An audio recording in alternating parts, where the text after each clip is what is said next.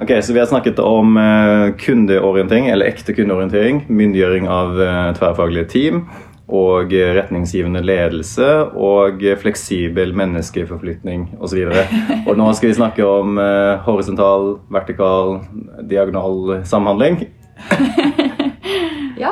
Ja? Ok, Hva er forskjellen på alle de vinklene på samhandlings...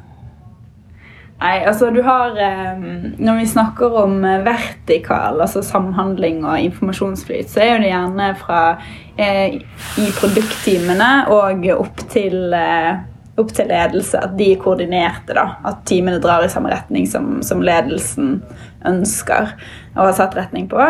Mens, og motsatt, da. Hvis produktteamene finner ut at eh, man må endre retning, at den informasjonen kommer, eh, kommer til ledelsen. Eh, Men når vi ser på, på horisontalen, så det, handler det om at disse produktteamene ikke skal jobbe i silo. vis, de, Og de skal være koordinerte på tvers. da. Hmm. Hva er diagonalsamhandling? Det var noe du fant på. Mitt, Oh, ja, Hva kunne det være? Ok, Så det er kun horisontal og vertikal samhandling? Ja. Ok. Det kan finnes sikkert flere former også, da. Og den eh, klassiske gammeldagse måten var vertikal? Veldig eh, Altså, hvis man tenker sånn helt klassisk eh, Vertikal ovenfra og ned. Ja. Bestillerorganisasjon. Og så er det jo ikke så svart-hvitt i dagens samfunn. Det er jo litt sånn Går jo litt begge veier. Men, men poenget er vel mer det at hvis du skal være en smidig organisasjon, så holder det ikke lenger bare å ha den vertikale linja. Du må ha den vertikale, men du må være veldig bevisst at også læring flyter oppover i organisasjonen. Ikke bare nedover. Og så er det det å legge til rette for at eh, de her teamene som Vi har jo snakka om at det skal være myndiggjorte team.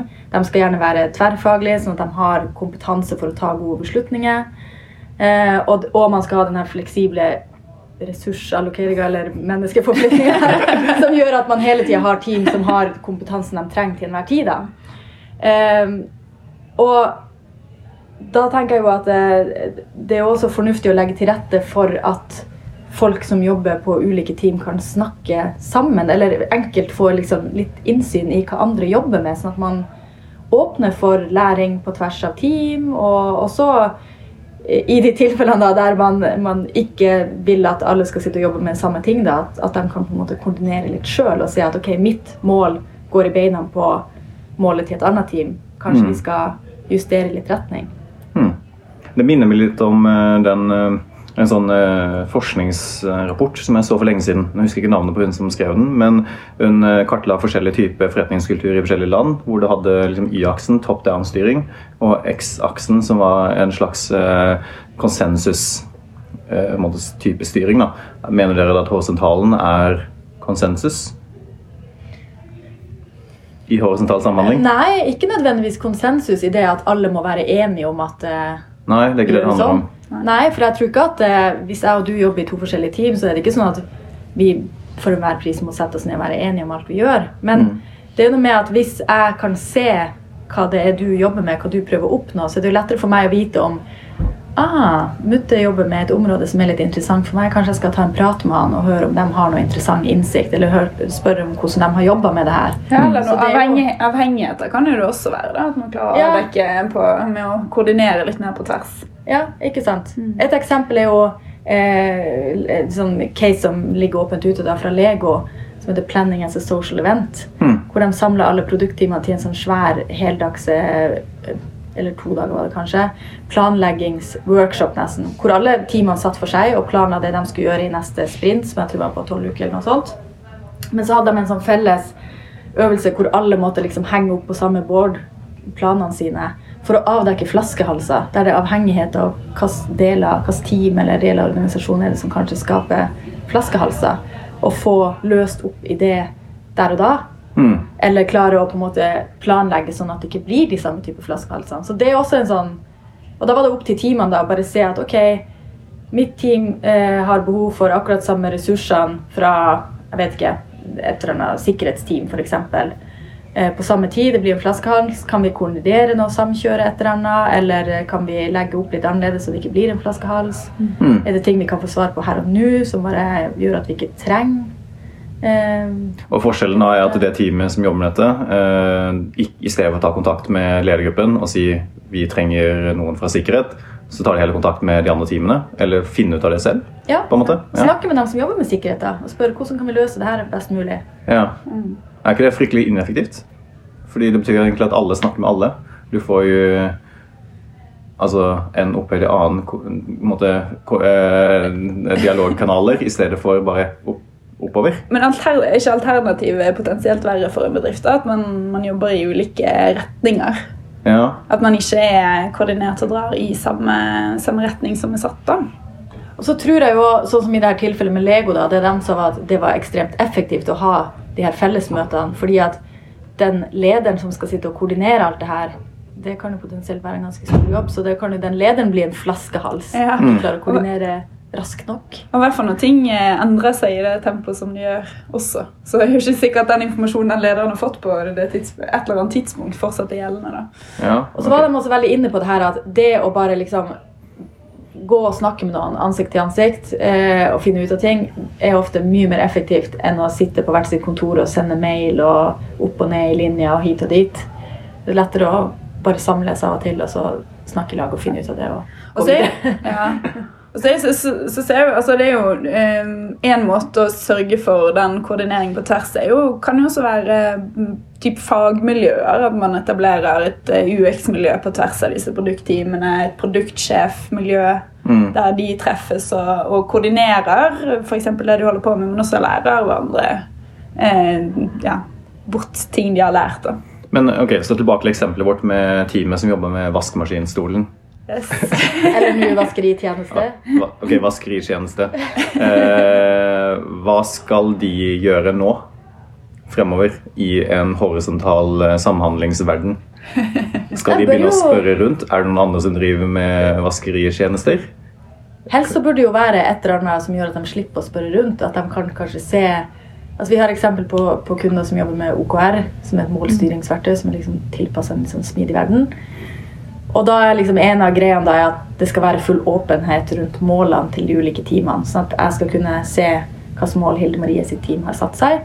Og hvis jeg vet det, så kan jeg jo sjøl velge å snakke med henne eller ikke. da. Men eh, de målene er jo ikke på løsning. ikke sant? De målene handler om eh, hvilken effekt man skal skape for eh, bedriften eller for kunden. Så eh, la oss si at du driver med vaskeritjeneste som du har bestemt deg for å gjøre nå. Og det eneste du ser av OKR-mål og sånn rundt omkring, uten å tenke på initiativ eller noe, er jo da eh, noen jobber med hårfrisyr, style Det er en løsning. Okay, Noen jobber med fint hår. noen jobber med eh, fint hjem. Noen jobber med fint eh, kontor. Ikke Ja. sant? Men, eh, ja, men fi, altså, da, av de eksemplene du tar opp nå, da, så vil jeg si at fint hjem er jo kanskje der man kanskje burde på en eller annen måte eh, ja, hørt med noen som sitter i det teamet, bare finne ut av hva er det de driver med. Eller at man har fora der. Altså Veldig mange kjører jo typ demoer og felles samlinger der de presenterer alt man driver, jobber med i bedriften. Det er jo også en måte å koordinere innsatsen på. da. Og spesielt når de jobber med den vaskemaskinstolen før den liksom ble lagt død. Så ville jeg absolutt snakke med fint hjem. liksom. Et fint hjem. Ja, det kan være fint, da. Det kan være sånn massasjestolaktig. Den vibrerer og alt. Ja, sånt. Da kan, du få, kan du få innsikt fra det teamet. da. Så fordi om man ikke liksom skal løse akkurat samme oppgave, Ja. så kan man liksom dra litt eh, på hverandres eh, kunnskap. Ja, og så kanskje noen, noen andre trenger å vite da, at man har funnet ut i dette teamet at den vaskemaskinstolen eh, kanskje ikke var løsningen på et fint hjem. da. Eller kanskje fint hjem-teamet trenger å vite at nå har vi frigjort eh, en kvadrat fra badet. Ikke sant? Eh, hva kan du bruke den til? Ikke sant? Og kanskje du kunne få liksom, eh, satt inn en prototype av vaskemaskinstol i en eller annen, et eller annet fint hjem. så de jobber med. Få testa det. Så her, der, der får du, Det er jo det som er effekten da, eh, av å kunne samhandle mer på tvers. At man, eh, man får, ja, du kan hente ut potensielt større effekter ut av det fint hjem-teamet jobber med. Men la oss si at uh, vaske, vaskeritjenesteteamet nå, da, eller Rene klær-tjenesten, uh, måtte uh, spør Fint hjem. Og Fint hjem tenker nei, du, vi har jobba med en støvsugerrobot og en vaskerobot. Ikke noe med noen tjeneste i hele tatt. Skal de bare spørre videre, da? Til de finner en eller annen team som jobber med en tjeneste? Og dra læring der? Eller er det liksom bare sånn Nei, du jobber ikke med det. Nei, du jobber ikke med det. Nei, du jobber ikke med det. Nei, du jobber ikke med det. Videre. Er ikke det liksom også litt sånn ineffektivt? Eller er det sånn første du treffer, er den beste? Ja, men det, jeg vet ikke. Jeg hadde jo Jeg tenker jo at det er jo fint om man har noe annen form for deling også enn bare OKR. For det som du sier, Ja. at der ser du effektmålet. Mm. Men eh, det finnes jo også bedrifter som har liksom regel om at ingen Slack-kanaler skal være, skal være lukka. Alt skal Mm. være åpent, sånn at alle kan gå inn og se hva ulike team for eksempel jobber med. Da vil du jo få en mer pekepinn på hva som faktisk rører seg i de ulike teamene. da. Mm. Så det er mange ulike former å gjøre det på. Mm, og òg typisk i et sånn fagmiljø for eh, UX-designere, f.eks. På tvers av produktteamene, så er det naturlig at man sikkert snakker om det man driver på med i de foraene også. da. Ja, okay. Ja. Altså Bare det å ha en kaffemaskin felles er jo en måte å, å skape samhandling. Ja. Mm. Skal ikke undervurdere verdien av uformelle nettverk også, da. Men eh, en annen gang da, så burde vi snakke da om eh, verdien av samhandling versus verdien av ignorance, da, som da skaper kanskje hastighet. Men det kan vi kanskje ta en annen gang. La oss gjøre det.